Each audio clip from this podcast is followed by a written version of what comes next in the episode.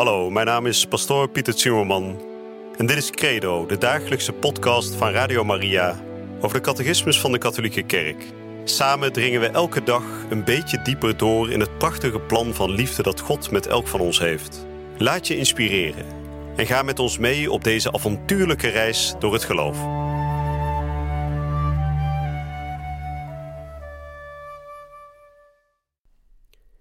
Broeders en zusters, beste luisteraars, van harte welkom bij het programma Credo, de dagelijkse catechese hier bij Radio Maria. Een kort momentje om ons geloof even op te poetsen. Of als we nog niet zo gek veel van het geloof weten, om ja, daar iets nieuws over te leren.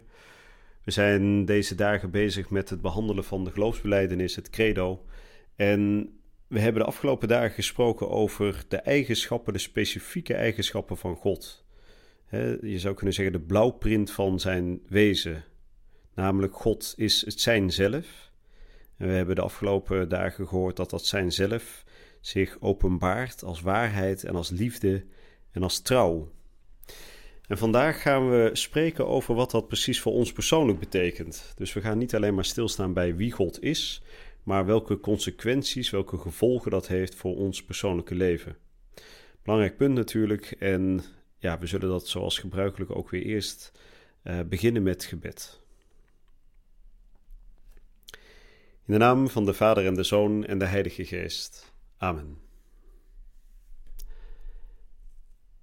Heilige Vader, doorheen heel de geschiedenis van u met uw volk, het gij getoond dat u nooit verschijnt aan uw volk zonder dat dit harten in beweging brengt. We hebben gezien dat Abraham op weg ging toen hij u ontmoette bij de eik van Mamre. We hebben gezien hoe Mozes, toen hij neerknielde voor uw aanwezigheid, in beweging kwam om het volk, uw volk, uit de slavernij te verlossen. En we hebben gezien hoe de profeten, wanneer ze uw stem verstonden, dat ook zij zelf in beweging kwamen en het volk in beweging zetten. We bidden, Heilige Vader, dat u ons op dezelfde manier beroert van binnen, dat u ons in beweging brengt. Dat we, net als Abraham, wegtrekken uit ons oude leven en dat we een nieuw leven willen binnengaan, een leven met u, dat door u beroerd en door u bewogen wordt. Amen. We lezen vandaag de nummers 220 tot en met 227. De liefde van God is eeuwig. Al wijken de bergen en wankelen de heuvels, mijn trouw wijkt niet van u.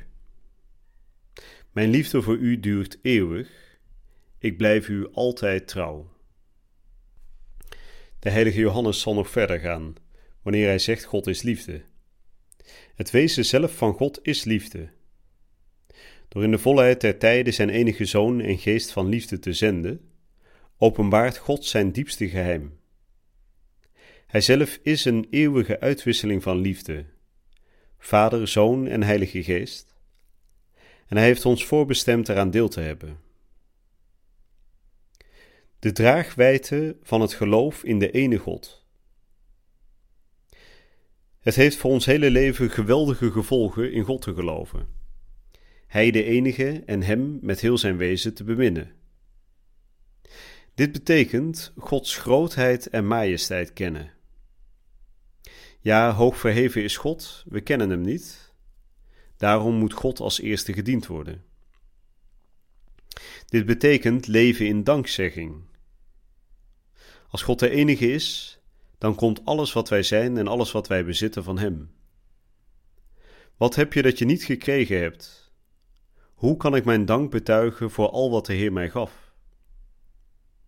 En dit betekent de eenheid en de echte waardigheid van alle mensen kennen.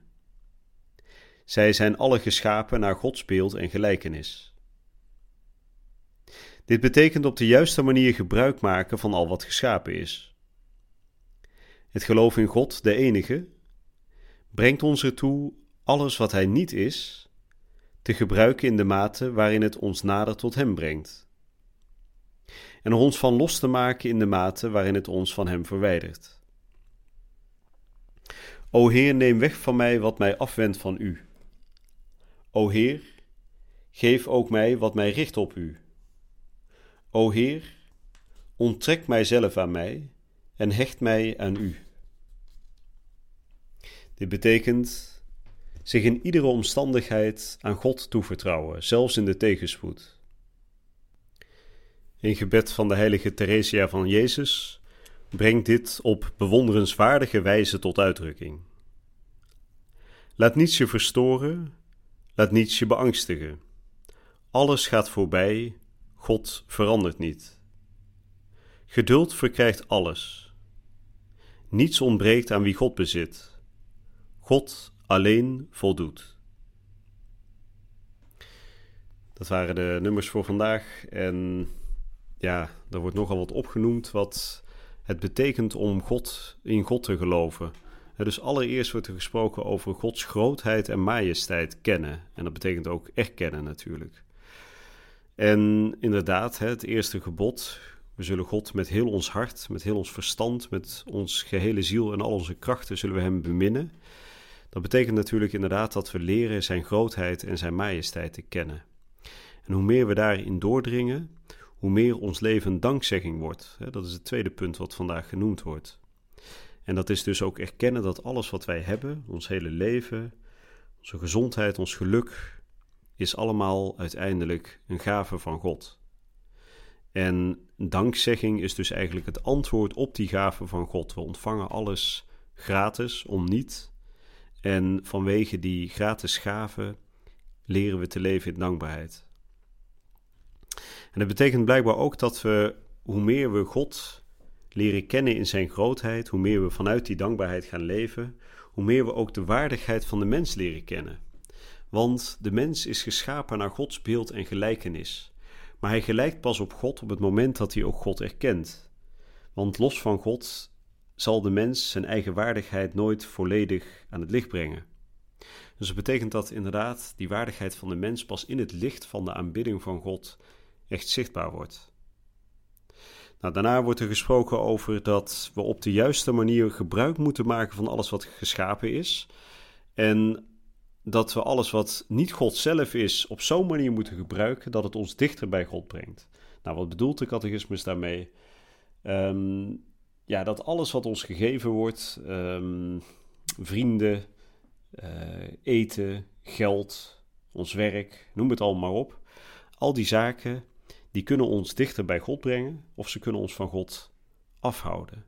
En het is dus zaak dat we al die uh, geschapen werkelijkheden, dat we die gebruiken op zo'n manier dat, ze, dat we niet ons hart eraan hechten, hè, dat noemen we verslaving, maar dat we het op zo'n manier inzetten dat, dat het ons dichter bij God brengt.